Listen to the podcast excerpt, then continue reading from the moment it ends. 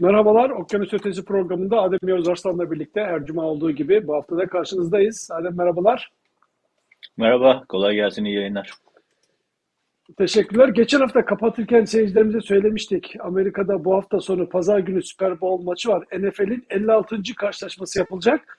Nereye gitsem onunla alakalı reklamlar var. Ee, bir şekilde karşıma çıkıyor. İnsanlar onunla konuşuyorlar. Aslında gördüğüm kadarıyla tu takımlar finale çıkamadığı için ben seyretmeyeceğim diyenler var benim çevremde. Fakat bir şekilde gündem e, hafta sonu yapılacak pazar akşamki NFL maçında e, geçen hafta da biraz bahsetmiştik. E, baktım bugün 56.sı yapılıyor. İlk 1967'de başlamış. Dünyanın en büyük spor organizasyonlarından bir tanesi. Senin ekleyeceğin neler var NFL ile ilgili? Evet, yani NFL Amerika'da sporun ötesine geçmiş bir konu. Yani sadece futbol meraklarının, Amerikan futbolu meraklarının değil, yani bir şov kısmı çok güçlü. Yani NFL'de e, Super Bowl'da sahne arası şova çıkmak büyük bir prestij sanatçılar için. E, orada hı hı. E, boy göstermek günlerce konuşuluyor oradaki şeyler. E, işin ekonomik kısmı ben çok dikkatimi çekiyor. İstatistikler korkunç. Yani Amerika'daki e, ekonominin büyüklüğünü göstermesi açısından da önemli. Saniyesi milyon dolarlara dönen reklamlar var. Orada özel reklamlar yapılıyor ve ilk defa orada başlıyor sunulmaya. Hani gala gecesi orası yapılıyor falan. Hani Hı-hı. işin e, ekonomisi sporun da önüne geçmiş vaziyette. Çok korkunç bir ekonomi. Çok pahalı. Çok biletleri aynı şekilde. Biletler binlerce dolara kadar çıkıyor kara borsada bulabilmek için. Çünkü önceden herkes satın almış oluyor. E, dev bir ekonomi ve Amerika'nın o hafta sonuki gündem oluyor. Herkes, milyonlarca kişi o yayınları izliyor, şovları izliyor. Sonra yayınların yorumlarını izliyor. Yani medya boyutunca da korkunç reyting getiren bir alan. Ee, ilginç bir tecrübe. Yani sporun Amerikalılar bunu çok iyi beceriyor. Sporla ekonomi iç öyle bir getirmişler ki. Hani mesela izleyicilerimize hatırlatalım bir detay olsun diye. Amerika'da mesela benim ilk dikkatimi çeken şeylerden bir tanesi şuydu. Mesela Super Bowl niye Şubat ayında yapılıyor? Şimdi kışın ortası Amerika'nın bir sürü yerinde kar kış var. Niye hani normalde yaza doğru spor yapılır, finale gider, insanlar evet, tatiline gider. Ben de baktım hep hep Şubat ayının bir ya birinci haftası ikinci haftası oluyor. Evet, neden yapılıyor? Çünkü Amerika'da bütün ligleri e, zincir gibi birbirine bağlamışlar. Yani mesela Super Bowl bitiyor, beyzbol başlıyor. Beyzbol baş, bitiyor, NBA başlıyor. NBA bitiyor, öbürü başlıyor. Böylelikle 365 günü spor aktiviteleri var. Yayınlar, ekonomi, reklamlar ve dönüyor. İlginç bir e, mantıkla çalışıyorlar. Benim çok dikkatimi çeken bir e, lig uygulamasıydı bu. Mesela NBA'de de aynı şekilde.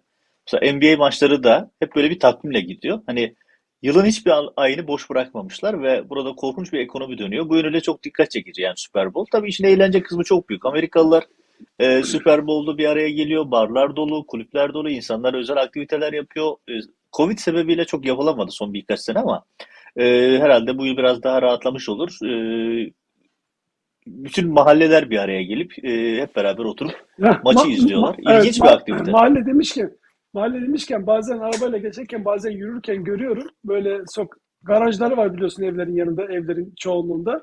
Garaja büyük bir televizyon koyuyorlar. Garajın o kapısını, kapısını da açıyor. Komşuları falan geliyor. Onların böyle yüksek sandalyeleri var.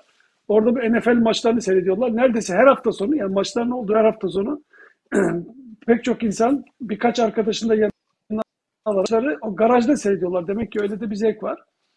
E, bir de bizim... E, tabii e, evin içinde sigara içemezsin. yani içirmezler genellikle insanlar. sigara içmek isteyenler için evet. falan böyle yöntemler buluyorlar insanlar. Evet doğru. Ben soğuk kış günlerinde de yapıyorlar bunu böyle. Bayağı hava buz gibi ama garajın kapısı sonuna kadar açmışlar. İçeride dediğin gibi evet sigara falan çok rahat içebilirler. Şimdi bir de bizim yaşadığımız bölgede Washington DC'de büyük bir biliyorsun e, Amerikan futbolu stadyumu var böyle Washington'ın e, doğusunda biraz değil mi orası? Senin yanından çok evet. geçmişsindir Uber yaparken.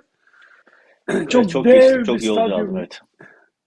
evet. Dev bir stadyum. Sadece otoparkı bile herhalde bilmiyorum ama birkaç on bin araba alabilir. Bilmiyorum ya o kadar büyük. Sonra bize yakın Baltimore var. Yaklaşık bir saatlik mesafede. Baltimore takımı e, birkaç defa yine baktım böyle en son 2013'te final oynamış, finali almış. Ee, daha önceki yıllarda da final oynamış ve Baltimore stadı buradaki Washington DC'dekinden de büyük. Herhalde stadyumlar 100 binden 100, belki 150 bin insan alacak kadar büyüklükte. Hem stadyumda hem evlerde hem televizyonlarda o ekonomi dedin ya işte bu ekonomi böyle dalga dalga büyüyerek e, çok çok çok hacimli bir hal almış durumda. Yani tabii e, Amerika'da sadece büyük olan şey statlar değil, e, Amerikan futbol statları değil, beyzbol statları da inanılmaz büyük. Ve statlar Hı hı. sadece maç izleme yeri değil, bir aktivite merkezi. Restoranlar, e, kültürle ilgili aktiviteler, özellikle insanlar maçlara aileleriyle gidiyor. Mesela beyzbol maçlarında rakip takım, ev sahibi takım karışık oturuyor. Çok güzel bir uygulama. Ben mesela çok hayret etmiştim Hı ona. hı. Yani aynı takım taraftarları ayrı ayrı bölümlerde oturmuyor. Beraber karışık. Hani parana göre, verdiğin paraya göre alıyorsun yeri gidip oturuyorsun. Ve insanlar yan yana aynı takımın taraftarları, farklı takımın taraftarları aynı tribünde, aynı sıralarda izliyor. Son derece eğlenceli ve saatler sürüyor beyzbol maçları tabii. Ve orada insanlar yemek yiyor, eğleniyor. İşte bir sürü kulüpler, şunlar bunlar. Yani bir aktivite, e, aile aktivitesi gibi de düşün. Evet, E, o yönden evet. fanatikliğin pek olmadığı bir yer. Yani gerçekten onu takdir etmek lazım. E, bütün o yoğunluk içerisinde bile bir fanatiklik pek yaşanmıyor bu ülkede. Doğru yani hafta sonu kimi insan pikniğe gidiyor, kimisi ailesiyle evinde vakit geçiriyor, kimisi de e, bir NFL ya da bir beyzbol, bir futbol maçına giderek onu hafta sonu eventi, etkinliği gibi değerlendiriyorlar. O yüzden saatlerini orada geçiriyor, çocuklarıyla vakit geçiriyor. Orada hamburger yiyorlar, cips yiyorlar, kola içiyorlar. Böyle o günü geçirmiş oluyorlar ve evet yani her kültürün farklı farklı e, etkinlikleri var. Burada da böyle. Yani Türkiye'de bir İstanbul'da hafta sonu olunca pazar günü acaba Şile'ye mi gitsek, işte Çengelköy'e mi gitsek derdik. Burada başka şeyler yapıyorlar, maça gidiyorlar gibi. Bize maça gidince öyle çok aileyle gitmek hiç düşünülmez değil mi Türkiye'de? Bir tane koyu taraftar başka bir arkadaşını bulursun kendi takımını savunmak için. Maça öyle gidersin Yani yani böyle Türkiye'de. Türkiye'de Fenerbahçe Galatasaray derbisinin karışık oturduğunu düşünsene bir. Kaç kişi e, hayatını kaybeder o arada. Evet. Böyle 3-0'dan Fenerbahçe'nin 4-3 galip geldiği bir maç vardı Galatasaray'a karşı. Hatırlarsın belki 90'lı yılların başıydı o. Ben o maça 90. git ben 90. o maça gitmi An- Ankara'da teyzemin oğluyla beraber gitmiştim maça. O zamanlar maça gittiğinde stadyumların kapalı bölümü yoktu. Her taraf açık ve öyle bir saat önce de yarım saat önce de gideyim olmazdı. Maç akşam 6'daysa 8'deyse sabahtan giderdim. Akşama kadar güneşin altında statta dururdum. Hatta bugün gibi hatırlıyorum. Gazeteden böyle şapkalar yapardık belki hatırlarsın. Onlarla kendi başlarımızı korurduk. Neyse nereden nereye. Tekrar şimdi Evet şimdi can istersen yakıcı konulara Amerika'dan gelelim. İşin magazin evet kısmını evet e, doğru. bir tarafa koyalım. Yani şöyle işin magazini ekonomi aslında. Yani Super Bowl bence spordan çok ekonomi. Korkunç bir reklam, Evet doğru. korkunç bir para. Milyar dolarlar dönüyor. E, ve hani bütün bunların dışında Amerikan futbolu ben önceden şöyle düşünüyordum Amerika'ya gelmeden önce. Ya bu Amerikan futbolu ne kadar vahşi bir spor. İnsanlar birbirlerine ölümüne dalıyorlar vesaire. Ama buraya gelip Amerikan futbolunu biraz okudukça, biraz kuralları öğrendikçe gördüm ki aslında korkunç iyi bir spor. Korkunç güzel bir e, aktivite. Özellikle de strateji olarak yani tam anlamıyla bir strateji mücadelesi. Hani insanlar hep böyle e, dev gibi adamlar birbirlerine dalıyorlar şeklinde yorumluyor ama aslında Amerikan futbolunun arkasında korkunç bir zeka ve şey var, strateji var. Ve oldukça keyifli bir sporda ama önce kuralları öğrenmek lazım. Yoksa boş boş bakıyorsun ne yapıyor bu insanlar diye. Kuralları öğrenince gayet keyifli oluyor. Onu da hatırlatalım. Ama bence şimdi Evet. Türkiye'deki insanlar diyecekler bunlar Amerikan futbolunu bıraksınlar da esas gündemlere gelsinler. Bence de mesela Tamam biz gel esas esas Türkiye'de herkesi ilgilendiren konuyu söyleyelim. Amerika'da enflasyon 40'ın enflasyon. zirvesine çıktı. Evet Öyle öyle. 7.9 gibi bir rakam çıktı. Bu da şu demek Amerika faiz artıracak. Amerika faiz artırıyorsa doları tutamazsınız. Sadece bu bizde değil dünyanın her yerinde önümüze çıkacak bir konu ama özellikle Türkiye gibi kırılgan ekonomileri çok ciddi büyük risk bekliyor. Yani Amerikan ekonomide, Amerikalıların ekonomide atacağı adımlar e, Türkiye gibi ülkeleri fena halde e, sıkıntıya sokacak. Çünkü yani dünyada dolar arzı ile ilgili bir e, tablo değişecek ve Amerika'nın faiz artırımıyla birlikte piyasadan dolar çekecek Amerika ve dolayısıyla Türkiye gibi ülkelerde doları tutmak mümkün değil. Ha, Türkiye'de zaten dolar şu Şöyle ş- anda evet şöyle olacak, şöyle olacak. Yani Amerika bir miktar daha dolar arttı, faizini arttırınca Türkiye gibi böyle çok kırılgan ekonomisi olan ülkelerde insanlar yüksek gelir elde ettikleri için dolarlarını tutuyorlar. Ancak daha yüksek geliri elde edebilecekleri ya da benzer hatta biraz daha aşağıda gelir elde edebilecekleri ama daha güvenli ekonomiler olan ülkelere doğru paralar kayıyor. Amerika'da bunlardan bir tanesi. Dolayısıyla Tü- Türkiye gibi tamamen sallantıda olan bir ekonomide e, insanlar paralarını, dolarlarını tutmak yerine onun gibi de, ekonomisi derin olan ülkelere, derinleşmiş olan ülkelere gitmeyi tercih edeceklerdir. Bu anlamda tam da dediğin gibi Türkiye için alarm zilleri çalıyor demektir.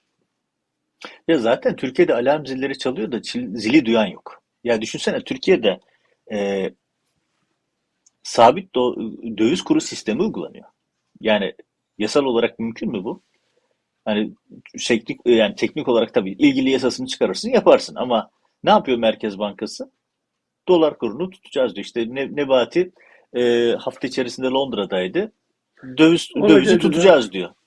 Ya kanunla nasıl kanunla mı tutuyorsunuz dövizi? Nasıl tutacaksınız? Yani dövizi tutacağız diyor. Biz sabit kurdu rejimine mi geçtik? Piyasanın haberi mi yok? İnsanların haberi mi yok bundan? Kimseye söylemediniz de adını koy, sabit adı, adını koymuş abi.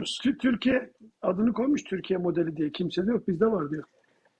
Evet. Yani e, tablo pek parlak değil. E, ekonomik olarak Türkiye'yi daha zor günler bekliyor. Hani zaten Türkiye tamamen e, çığırından çıkmış vaziyette. Onu Türkiye yakasına geldiği zaman söyleriz ama yani Amerika'nın da hani zaten e, Türkiye tepetaklak gidiyordu. Şimdi Amerika'daki bu son durum da hızlanacak bu tepetaklak gidiş.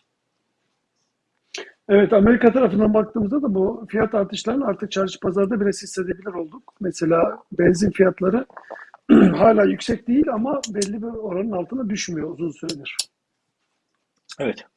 Ama bu öngörülüyordu. Yani şöyle söyleyeyim. Şimdi Amerika'daki enflasyonun yüksek çıkması, piyasaların e, rakip fiyatların artması öngörülen bir şeydi. Neden? Çünkü Covid'le mücadele e, konseptinde Amerikan yönetimi dedik ya biz evet piyasaya para basacağız. Her piyasaya para bastılar. Yani öyle bir para yoğunluğu geldi ki şimdi hepimiz çocuk yardım aldık, Covid yardım aldık, çalışmayan insanlar yardım aldı, küçük işletmeler bir sürü para aldı ve piyasaya korkunç bir para bastılar. Bunu yaparken zaten enflasyonun çıkması bekleniyordu. Çünkü burada belli bir marjda tutulduğu sürece enflasyon çıkmasını öngörüyorlardı zaten. Şimdi sorun şu, yani bu rakamları e, nasıl döndürecekler? Onu yaptıkları sürece bir rakamlar içerisinde hani şöyle ifade edeyim. Kontrol altındaki bir enflasyonla çok büyük bir sorun yaşayacaklarını düşünmüyorlar. Evet yani dünyadaki süre sonra bunun inmesi bekleniyor. Evet dünyadaki gelişmeler şu anda çok olağanüstü değil. Ama işte Ukrayna, Rusya o tarz gerginlikte olursa zaten sadece Amerika değil bütün dünya ekonomilerinin ekonomilerinde bir sarsıntı olacağı belli. İstersen Amerika'dan Londra'ya doğru uzanalım mı? Amerika'dan geçmeyelim. Bir dakika çok önemli bir şey var Amerika'da. O da şu. Şimdi dün Dışişleri Bakanlığı'nda bir açıklama geldi. Klasik basın özgürlüğü uyarısı. Şimdi basın özgürlüğü konusu geldiği zaman Amerikan Dışişleri Bakanlığı her zaman aynı basma kalıp cümlelerle aynı şeyleri söyler. Artık ben de sormak istemiyorum artık. Çünkü sorduğunda hep aynı şeyleri söylüyorlar. Şimdi burada şöyle bir realite var. Ee, Voice of America, Amerika'nın sesi işte bayağı köklü bir kurum. Oldukça onlarca yıldır yayında. Türkçe haberleri var. Türkçe haberleri ve internet sitesi var. Türkiye'den haberler veriyor, Türkçe haberler veriyor. Voice of America, Deutsche Welle var, Almanların. Euronews var Avrupa Birliği'nden. E, Fransa merkezi yanlış hatırlamıyorsam. Ve burası, buranın 3 tane web sitesiyle ilgili yani Türkçe haber sunan e, web siteleriyle ilgili Rütük yeni bir karar aldı. Lisans zorunluluğu ile ilgili bir karar aldı ve 70 küsür saat gibi, 72 saat gibi bir süre verdi. Ya bu şu demek, tabii Amerikalılar yani ne diyorsunuz, nereden çıktı bu modunda dün Dışişleri Bakanı'nın açıklamalar ve işte basın özgürlüğüne yine klasik cümlelerle çağrı yapan açıklamalar yaptılar. Ya bunun izahı şu, Rütük, Türkiye'deki bütün medyanın susturulmasını, yani internet sitelerinin kontrol altına alınmasını yeterli görmüyor. Üç tane haber kanalı. İlginçtir BBC Türkçe yok. Neden bilmiyorum. Mesela bu Voice of America, Deutsche Welle ve Euronews'in Türkçe kanallarını kapatarak tam sansüre geçmeyi planlıyor. Çünkü he, bunlar çok ciddi bir muhalefet falan yapmıyor. Ama iktidar onlara bile tahammül edemiyor. Çünkü alternatif, kontrolsüzden, yani düşünsene işte birazdan konuşacağız. Falyalı, Susurluk'taki gibi e, uyuşturucu baranı Kaleşnikov'la taranıp öldürülüyor. Hürriyet, Milliyet, sabah bütün gazeteler saatlerce haberi vermiyor. Yani bakan er, şeyin e, damadın istifasını vermedikleri gibi vermiyorlar. Çünkü saraydan talimat gelmiyor talimat alamadıkları için haber dahi veremiyorlar. Şimdi onların içerisinde bu üç kanal, Türkçe kanallar, sadece tarafsız orijinal haber verseler bile iktidarı çok rahatsız ediyor.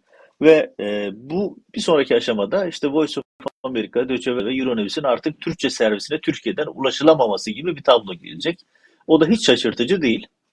Yani Erdoğan tam sansür, full sansür bekliyor. İşte o da onun için önemli bir gelişme.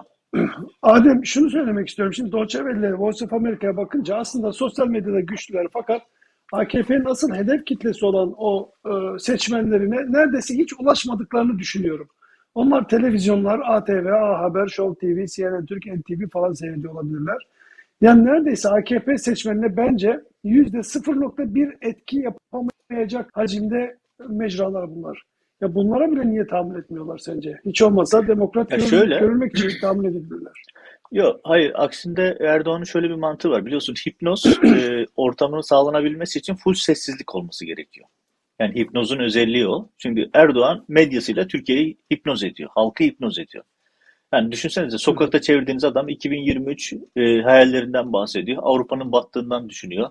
Amerika'nın çöktüğünden bahsediyor vesaire. Niye? Çünkü senin bahsettiğin o tüm o havuz medyası hipnoz ediyor insanları. Ama hipnozu bozan bir şey var, tıkırtı. Yani çok büyük olmasına gerek yok. Minik bir tıkırtı yaptığın zaman hipnozu bozuyorsun. İşte bu kanallar minik de olsa tıkırtı yapıyor.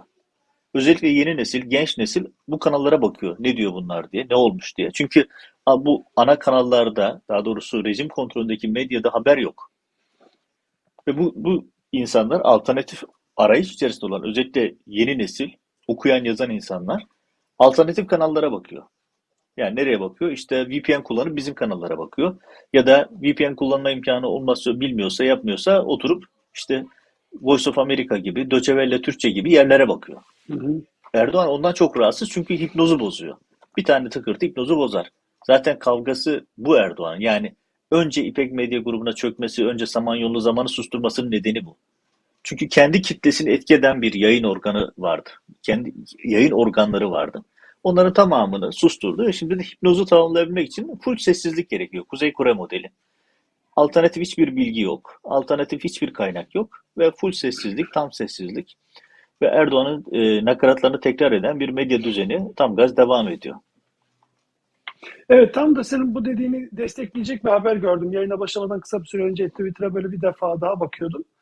Orada İyi Partili bir yetkili Deutsche Welle kanalında bir röportaj yapıyor. Deutsche Welle onunla bir röportaj yapmış. Bir bölümünü kesmişler ve Twitter'a koymuşlar. Diyor ki bizim sesimizi şu anda topluma duyurabileceğimiz mecra neredeyse yok denecek kadar az. İşte böyle sizin gibi bazı kanallar bizimle röportaj yapıyor ama böyle baskın medya bizi tamamen görmezden geliyor. Hatta diyor biriyle konuştum.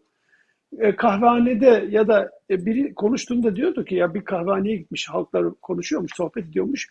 Demiş ki insanlar bazı erkekler evlerinden çıkıp işe ya da kahveye gittikleri zaman evlerindeki Fox TV, Halk TV, Tele1 gibi e, kanalların yayınlarını bozuyorlarmış ki evdeki e, kalanlar işte çoluğu çocuğu karısı o kanalları seyretmesin diye. Yani e, toplumda da böyle bir e, bunu sadece isteyen, bu muhalif kanalları görmek istemeyenlerin böyle bir aşırı bir çoğunluğu var demek ki. Özellikle AKP seçmeninde. Onlar sadece bir şey görmek istiyorlar.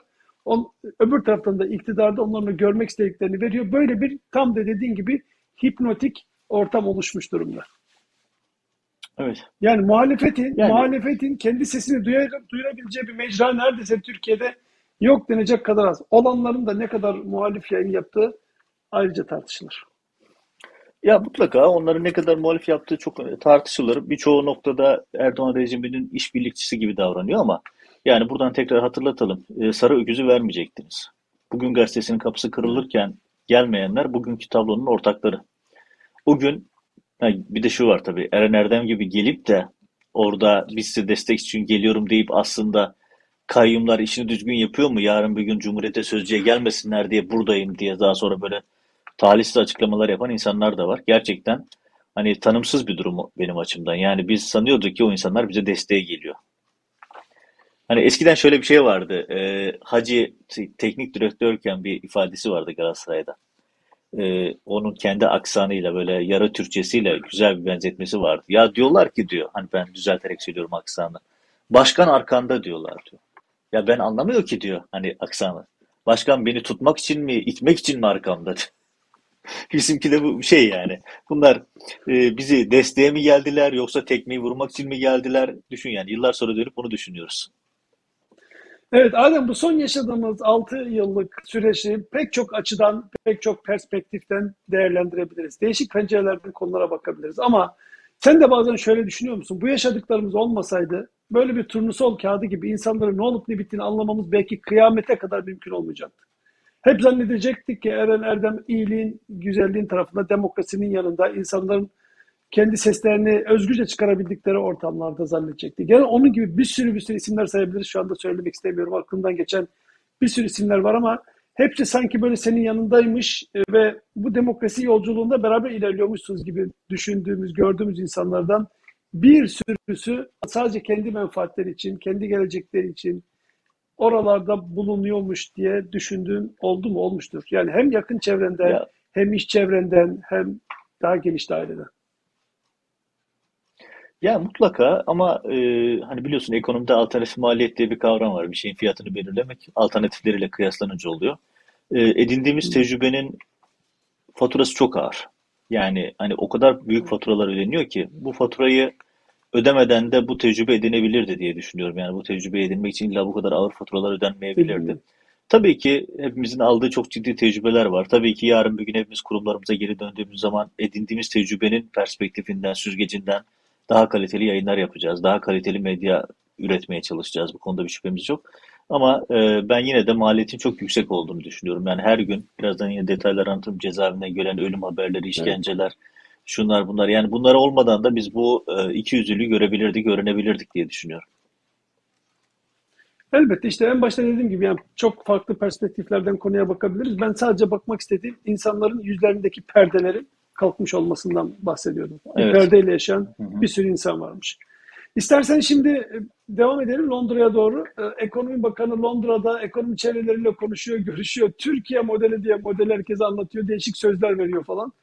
Bunların ne kadar İrab'da mahalli var, ne kadar etkili, ne kadar boş küme bunları ayrıca tartışırız ama e, Türkiye'nin şu anda bulunduğu pozisyona bakarsak Erdoğan'ın da az önce yaptığı açıklamalarda işte biz tam da aslında net bir şey de söylemiyor, söyleyemiyor da biz işte halkımıza bu zamla hatta diyor ki indirim yaptık enerjide falan diyor Avrupa'ya bakın diyor. Böyle bir kendilerine göre bir modeldir, çalışmadır.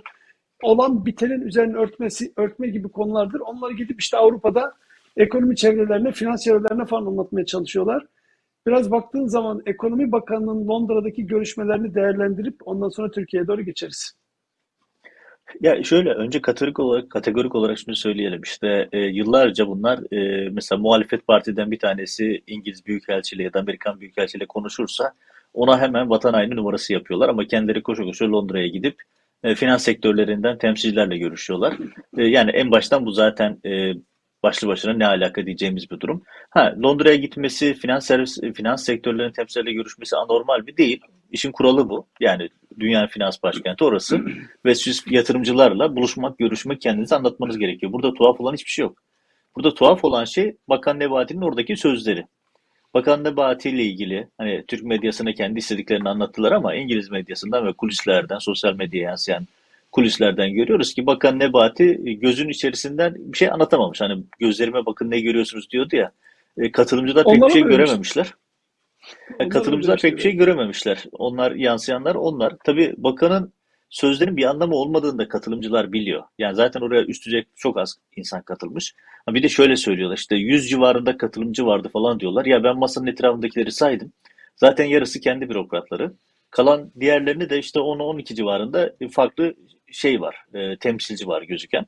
Ya bu kadar da uçulmaz yani işte 100 kadar insan geldi şöyle oldu böyle oldu. Ya bir kere yok zaten böyle bir şey. İkincisi ya bir de bu insanların bir de, soruları bir zaten de, çok... Adem, Adem kusura bakmayın seyircilerimiz de biraz bazen kızıyorlar. Sözünüzü birbirinizin kesiyorsunuz diye özellikle benim ama çok kusura bakmayın. Bir de ses geç gidip geç geç gidip geldiği için biraz ondan da oluyor.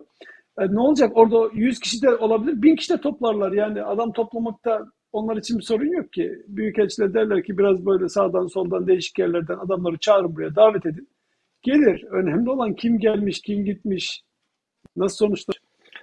Ya hem öyle hem de şöyle bir realite var. Yani kalabalık topladığın zaman da aleyhine işler o tip ortamlarda. Çünkü orada bir tane ciddi yatırımcı buraya tribünden adam toplamışlar dediği anda zaten sizin bütün itibarınız beş paralık olur. Sonuçta itibar dediğin daldaki kuş gibi bir çıtırtıyla kaçar gider. E şimdi Erdo şeyin e, Bakan Nebati'nin toplantısı fiyaskodan başka bir şey değil ama zaten burada amaç Türk kamuoyuna işte Londra'ya gittik, finans çevrelerini ikna ettik. her şey yolunda mesajı vermek için. Orada finansçılar iknaya gitmedi aslında. Yani burada ikna Türkiye kamuoyuyla ilgiliydi. E, finansçılarla ilgili herkes sadece dinlemiş ve çıkmış. Elle tutulur hiçbir sonuç yok. E, orada verdiği sözlerin de bir anlamı olmadığını finansçılar da biliyor. Çünkü bakanların Erdoğan rejiminde bir anlamı olmadığını en iyi finansçılar bilir. Hep söylerim parası olan akıllı adamdır. Parayı nasıl kullanacağını bilmek önemli bir meziyet. Bunlar korkunç fonlar yönetiyorlar. Trilyon dolarlık fonları yöneten sermaye grupları bunlar. Ve bunlar Türkiye'deki her gelişmeyi A Haber'den falan izlemiyorlar doğal olarak. Yani her gelişmeden haberdarları gelişmeleri takip ediyorlar. Ve dolayısıyla bu insanlar akıllı adam hareket ediyorlar. Yani Bakan Nebati çıksa söz verse sözün bir anlamı var mı? Erdoğan bir gece yarısı kararnamesiyle bakanı kovdu. Ne olacak? Pardon affetti. Affediyor biliyorsun. E, affetme makamı kendisi. E, böyle bir e, durum var. O yüzden nezaketen gelip dinleyip ayrılmışlar. Öyle bir tablo var ama tablo hiç parlak değil. Ya bir de orada bakan diyor ki Şimdi, biz dövizi kontrol ediyoruz. Ya bunu bir e, yabancı finansçıya söylediğin zaman adam nasıl yani der. Yani dövizi kontrol altında tutuyoruz diyor. E, dövizi kontrol altında tutmak için sabit kur rejimine mi geçtiniz? İnsanlar onu mu söylüyorsunuz? Mesela işte orada diyor ki biz seçimi kaybedersek bak dikkat et sorulara dikkat et. Sorular finansla ilgili sorular değil daha çok. Si siyasetle ilgili sorular. Çünkü herkes biliyor ki sorunun kaynağı kötü yönetim. Türkiye'deki şu anki büyük krizin kaynağı Erdoğan, sarayın kendisi. Ve İngiltere'deki muhataplar hep şunu soruyorlar. Seçimi kaybederseniz sorunsuz bir şekilde iktidarı devredecek misiniz? Şimdi soruya bakar mısın? Bu soruyu niye ekonomist soruyor? E çünkü sorunun kaynağını biliyor. Sorunun kaynağı saray. Ve bakan diyor ki tabii ki falan. Ya ite kim takar ekonomi bakanlığı? Burada karar Erdoğan'ın kendisinde ve Erdoğan e, bu konularda ne diyeceği çok ortada. Ayrıca Nebati'nin çıkıp ya biz bakan şey başkanı da vermeyiz canım mı diyecek yani. Başka bir türlü demesi zaten mümkün Şimdi, değil. Şimdi şöyle bakanın oraya gitmesini ve finans çevresi, çevrelerle konuşmasını şöyle değerlendirelim. Normalde Erdoğan kendi seçmenine e, yaptığı her konuşmada faiz konusundaki ne kadar kararlı olduğunu, Türkiye'de faizi artık bitireceklerini, indireceklerini söylüyor değil mi? Bu son birkaç aydan bu yana özellikle 2021 yılının son çeyreğinde faizle alakalı sert kararlar aldı. Ekonomi nereye geldi belli. Artık oradaki dönen mevzuları zaten çokça konuştuk. Ama bu şu anda hala dünyanın en yüksek faiz veren ülkelerden bir tanesi hangisi? Türkiye. Londra'ya ekonomi bakanı gittiğinde verdiği mesaj ne? Diyor ki bakın siz merak etmeyin bizdeki siyasi istikrar şu anda iyi. Hatta önümüzdeki olan seçimlerde de siyasi istikrar iyi olacak. Biz gitsek bile normalde bulunduğumuz koltukları, makamlarımızı güven içinde bizden sonra gelenler kalsak da zaten istikrar devam edecek. O yüzden bizim istikrarımıza lütfen gelip yatırım yapın diyor. Peki istikrara yatırım yapması için insanların yüksek faize rağmen Türkiye'ye gelmesine bir risk var. Onu görüyorlar.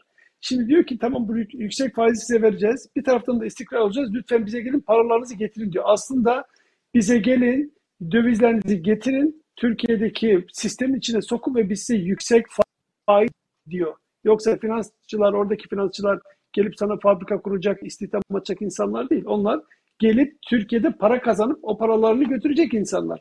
Onlara daha fazla gelin ve biz size faiz vereceğiz diyor. Ve içerideki verdiğiniz sinyallere düşürün faizleri sıfıra İnsanlar geliyor mu, gelmiyor mu? Sizin Londra'da toplantı yapmanıza ihtiyaç oluyor mu, olmuyor mu? Yapsanız da bir anlamı var mı, yok mu? Onu hep beraber görelim. Bir taraftan içeriye ben faiz indireceğim de ötekilere, ötekilere de de ki bizde yüksek faiz var gelip bize paralarınızı yatır. Ya tabii buna bağlı olarak paralelinde şey de var. Mesela Financial Times'ta ve e, Day Welt'te bu önemli iki gazete İngiltere ve Almanya ee, orada Erdoğan rejiminin genel görünüşü ve gidişatına dair çok ciddi analizler vardı. Şimdi Financial Times'taki analizi hı hı. okuyan birisi Bakan Nebati'nin ne dediğini dikkate alır mı? Almaz. Almasında bir anlamı yok zaten. Çünkü daha gerçekçi bir değerlendirme Financial Times'ın değerlendirmesinde var.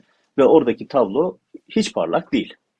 Daha karamsar bir gidişatın işareti veriliyor. Ya başta anlattık Amerika faiz arttırdığı zaman doları nasıl tutacaksınız? Merkez Bankası'nda para mı kaldı? TL'ye satıp zorla doları tutacağınız. Bankalara el koymak kalıyor. Başka bir şey kalmıyor geriye. Evet ama bugün Erdoğan'ı gördün mü yayından önce sen de? Cuma çıkışı değil mi orası konuştuğu yer? Yani bir yerde konuşmuş da nerede konuştuğunu anlayamadım. Yani bugün cuma olduğuna göre cuma ben çıkışıdır. Ben de tamamlıyorum. Hastalığı atlattık falan demiş işte. Beş tane aşı olmuş demiş abi. Ben, ben çok inanamadım. O iki tane baştaki Sinovac oldu? Bundan çok şüphe öyle diyor kendisi artık bilmiyorum. Ee, Ya ben Erdoğan hastalığından ziyade şuna takıldım. Erdoğan hasta, Hulusi Akar hasta iddiaya göre. E, o da Covid olduğu söyleniyor. Fidan da ortada yok. Onun da hastalığıyla ilgili spekülasyonlar var. Ya bunlar yeni bir kumpas peşinde olabilir diye ben düşünüyorum. Bir haftadır böyle bir e, endişem, şüphem var. Çünkü e, normal değil hepsinin birden aynı anda hasta olup piyasadan çekilmeleri. Erdoğan'ın bu son 4-5 gün ortadan kaybolmuş olmasını sadece Covid ile ilgili olduğunu düşünmüyorum ben. Başka Ankara'da çok sert güç mücadeleleri yaşanıyor şeklinde kulisler var. E, bilemediğimiz bir şey var şu anda. Güç mücadelesi var. Yani bilemediğimizden ziyade sinyalleri, ipuçları ortada ama e, resmin bütününü görmek henüz mümkün değil. E, onlarla ilgili de olabilir diye düşünüyorum bu bir haftalık aranın. evet son zamanlardaki gelişmeleri belki üst üste koyarsak olabilir. Ben oraya gelirken şundan aslında gelmiştim. Yani e, gene ekonomik mevzu, elektrik fiyatları ve enerji fiyatlarının Türkiye'deki alıp başını gittiğini zaten hepimiz yakından görüyor, takip ediyoruz değil mi? E, bir, büyük bir dram var yani ortalıkta. E, Erdoğan işte bugünkü bugünkü konuşmasında dünyada enerji fiyatlarının yüksek, yükseldiğini biz Türkiye'de yanındayız. Ne oldu dondu mu? Evet, e, sesim geliyor mu? Geliyor. E, Biz vatandaşımızın yanındayız diyor ve e, hatta indirim bile yaptık diyor. Yani bir şekilde gerçekten sence ikna ediyor mu ya? Buna ikna olan insan var mı yani Türkiye'de? Ya ben uzun zamandır Erdoğan'ın e, mitomani hastası olduğunu düşünüyorum. Bunu yeni değil. Son 10 yıldır böyle bir e, düşünceye sahibim. E, mitomani hastalarının özelliğini biliyorsun. Anlattığı yalana inanırlar. Yani kendisi bir yalan söyler ve o yalana inanır. Hani çok böyle bazı AKP destekçileri ya da Erdoğan taraftarları bu söze alınıyorlar. Ama bu tür bir değerlendirmeden bahsediyorum. Yani bu illaki mesela benim tanıdığım bir gazeteci var mitoman hastası. Herkesin de tanıdığı bir isim. Son derece popüler. Mitoman hastası. Şahsen çok iyi tanıyorum. E, mitoman yani söylediği yalana kendisi inanıyor ve bu yalanı gerçekmiş gibi anlatıyor. Çok tipik bir örneği. Şimdi Erdoğan da öyle bir şey inanıyor ki bir paralel bir evrende yaşıyor ve o evrendeki gerçekliğin dünya gerçekliği olduğuna inanıyor. Mesela şu anda işte Avrupa'da, Amerika'da do, e, elektrik, mesela bugün söylediği cümle.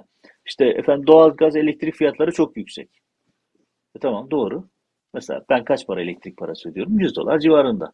Bütün ev elektrikle ısınıyor. Pahalı mı? Amerika şartlarında hiç de pahalı falan değil.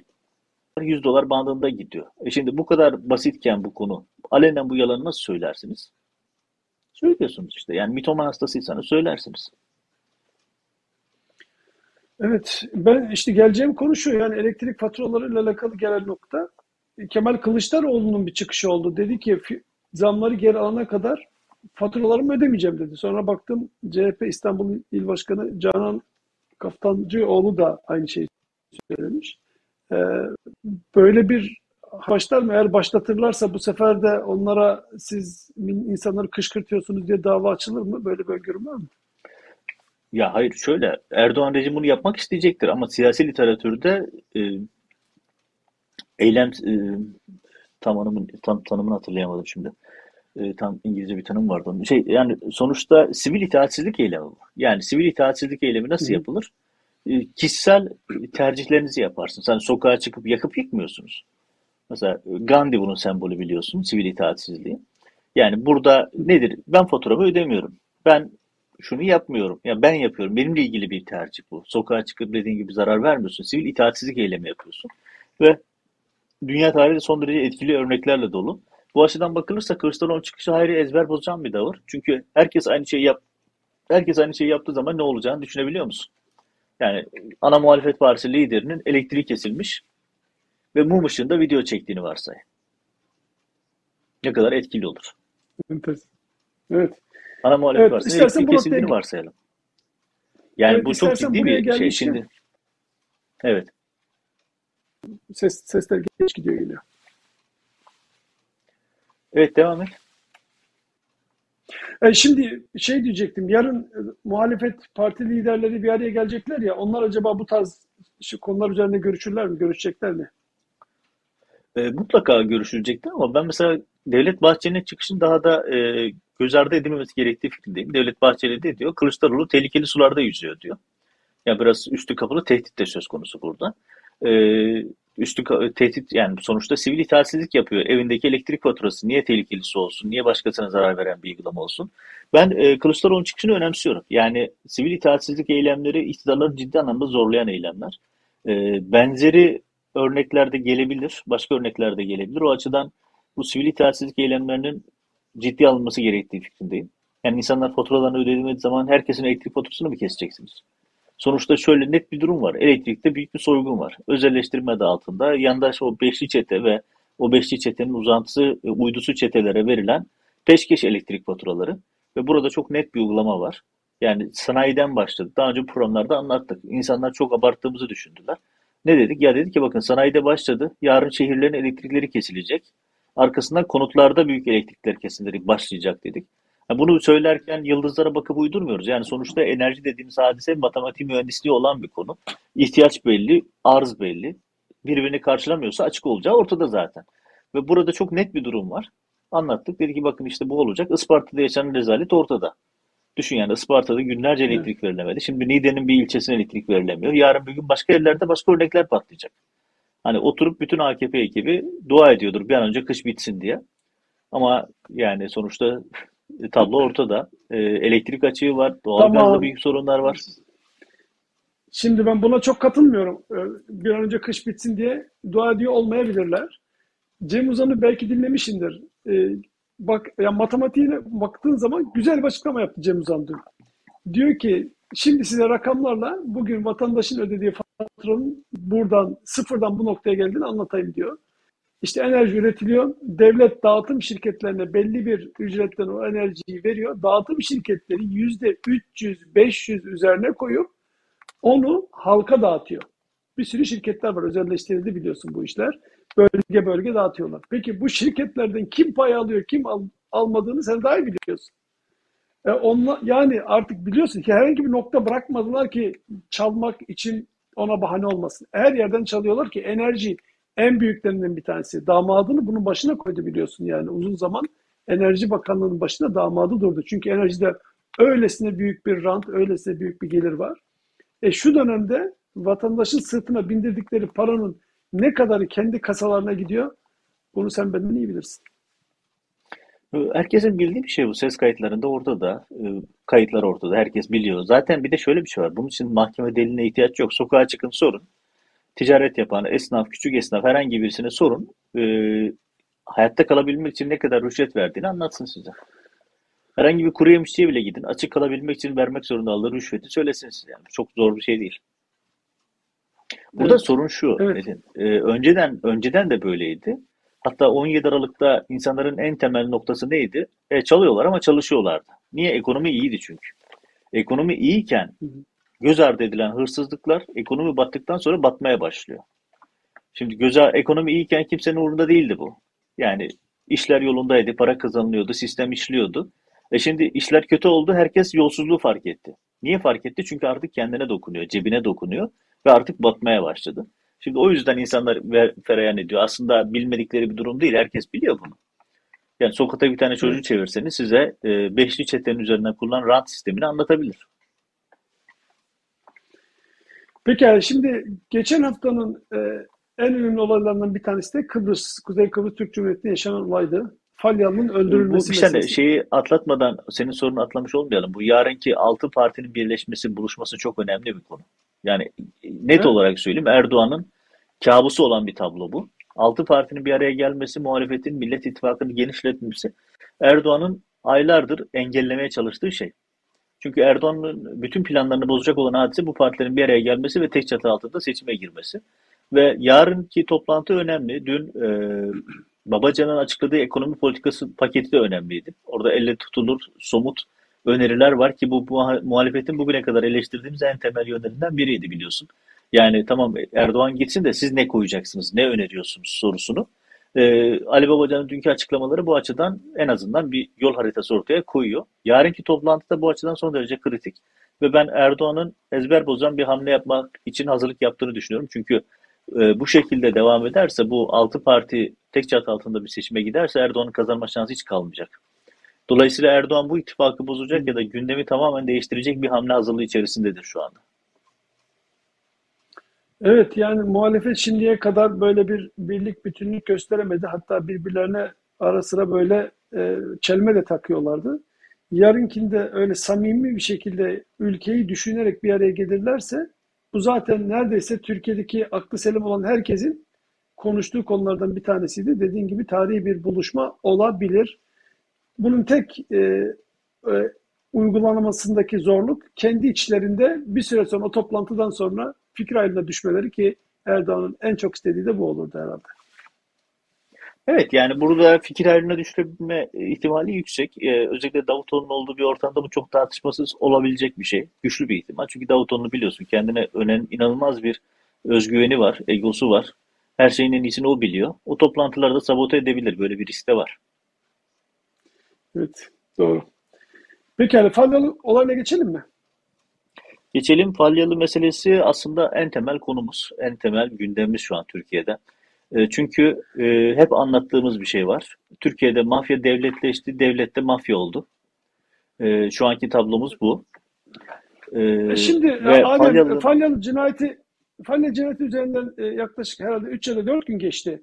E, böyle bir sürü yorumlar, böyle çok sıcak gelişmeler yapıldı. Evinin önünde gitmeler, gelmeler, ailesi ilişkileri falan.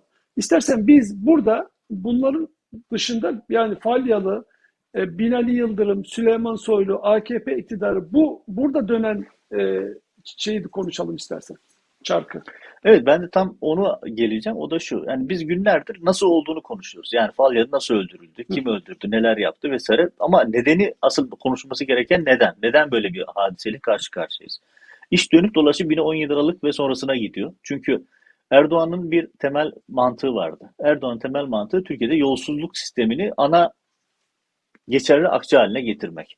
İşte siz hukuku iptal eder, emniyeti darmadan eder, hukuku saraya bağlarsanız, bütün güvenlik yargı bürokrasisini saraya bağlarsanız suç örgütlerinin önünü açarsınız. Erdoğan öğretmeni, gazeteciyi cezaevine doldurmak için bütün bu mafya örgütlerini cezaevinden çıkardı. Sedat Peker'inden, Alaaddin Çakıcı'sından bütün o diğer irili ufaklı mafya örgütlerine. Şimdi bunlar sokağa çıktıkları zaman gidip Zeytinburnu sahilde mangal yapmıyor. Sonuçta suç örgütlenmeleri var ve bunların e, büyümeleri için, bunların daha büyük ticaret yapmaları için yeniden örgütlendiler. Şimdi bu tip örgütlenmeler zamana yayılan örgütlenmeler. Hemen akşamdan sabaha sonuç vermiyorlar. Sokağa çıktılar, tekrardan eski yapılarını güçlendirdiler ve onları takip eden bir polis yok. Onları yargılayıp ceza verecek bir yargı yok. Ve bugün geldiğimizde artık Türkiye'de devlet tamamen mafya haline geldi. Mafyanın en önemli hedefi devletleşmektir. Çünkü nihayetinde devleti ele geçirdiğiniz zaman artık devlet mafya devletin sahibi haline geliyor.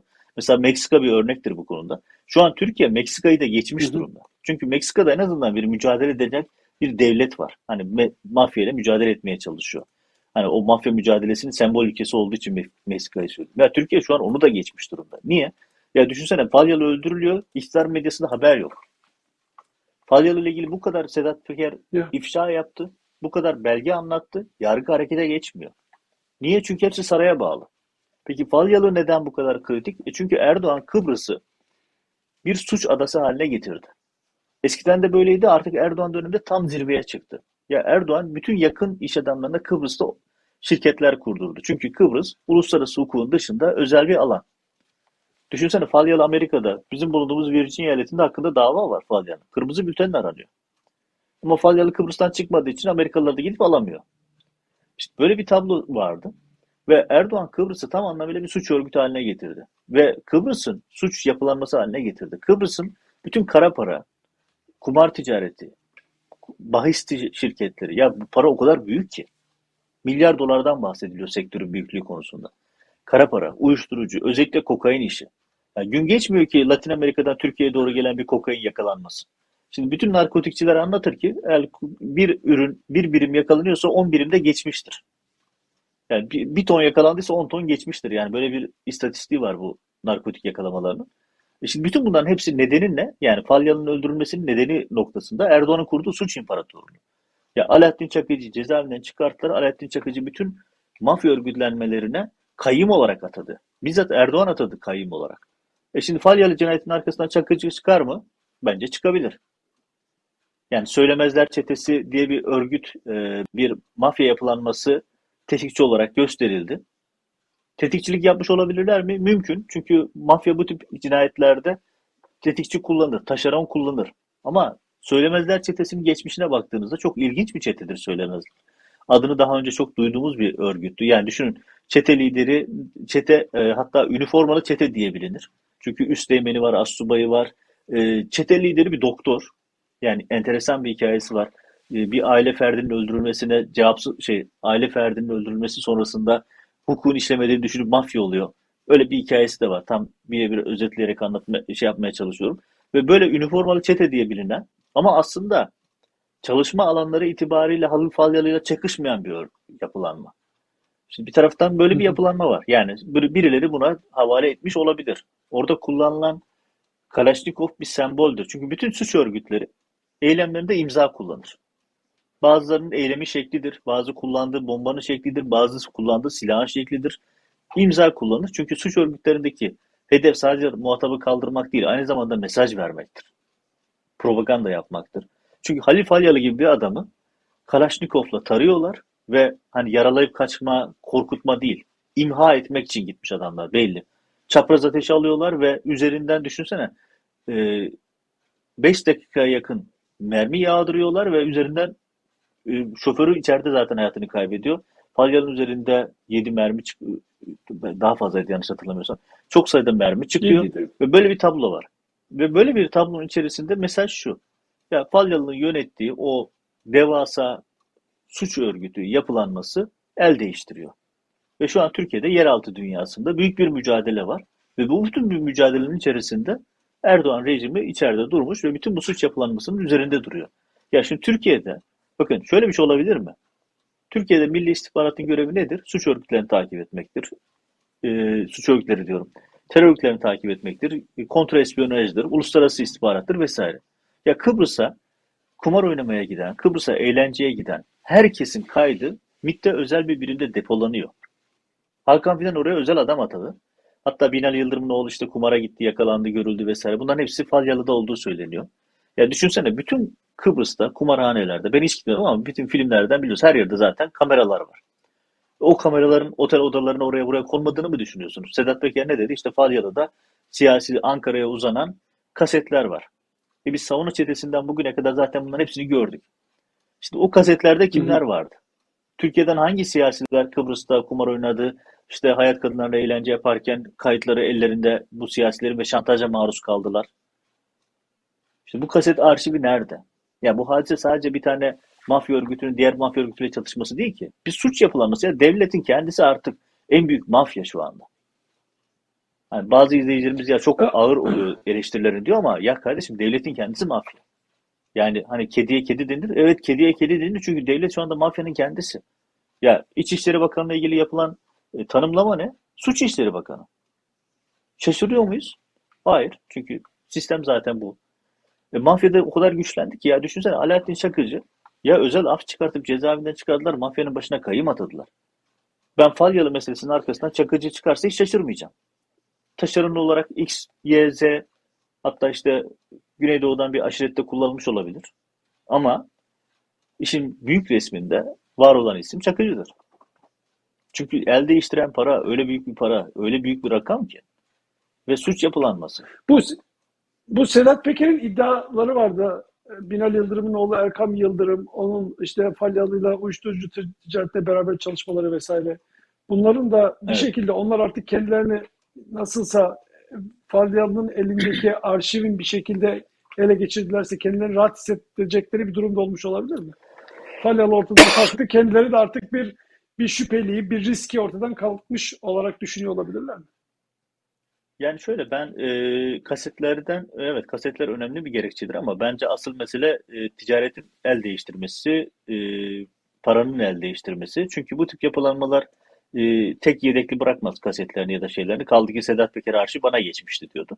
Sedat Peker arşiv ondaysa, Hı. Sedat Peker'deyse bu Sedat Peker için de bir e, önemli bir riski de beraberinde getiriyor demektir. Yani çünkü şu anda herkes döndü Sedat Peker'e bakıyor. Sedat Peker biliyorsun artık tweet dahi atamıyor. Tweet dahi RT edemiyor ya da like yapamıyor. Çünkü öyle bir şey yapması durumda Türkiye'ye iade edileceği konusunda kendisine verilmiş çok net bir mesaj var. Yani Sedat Peker'i susturdular. Sedat Peker Birleşik Arap Emirlikleri'nden çıkmadığı sürece bir şey yapması mümkün değil. Orada kontrol altında. Ama ben e, tekrar şunu söylüyorum. Hani olayın nasıllarını konuşuyoruz ama nedenleri çok daha önemli. Çünkü yarın bir gün başka benzeri cinayetler, başka çatışmalar, başka el değiştirmeler kaçınılmaz olarak yaşanacak. Çünkü yani sistem mafyatikleşti artık. Yani devletin hiçbir güvenlik mekanizması çalışmıyor. Ya düşünsene sosyal medyada bir tane video var. Kıbrıs'taki bir tane aile Ferdi isyan ediyor. Diyor ki ya ben, benden bir milyon pound istediler. Ben elçiye gittim. Polise gittim. Hiçbir şey yapamadı. Dediler ya bari parayı verelim. Çünkü adamın babasını kurşunlamışlar. Ayaklarından vuruyorlar vesaire. Ya bari parayı vereyim kurtulayım ben diyor. Düşün adam isyan ediyor artık video çekmiş.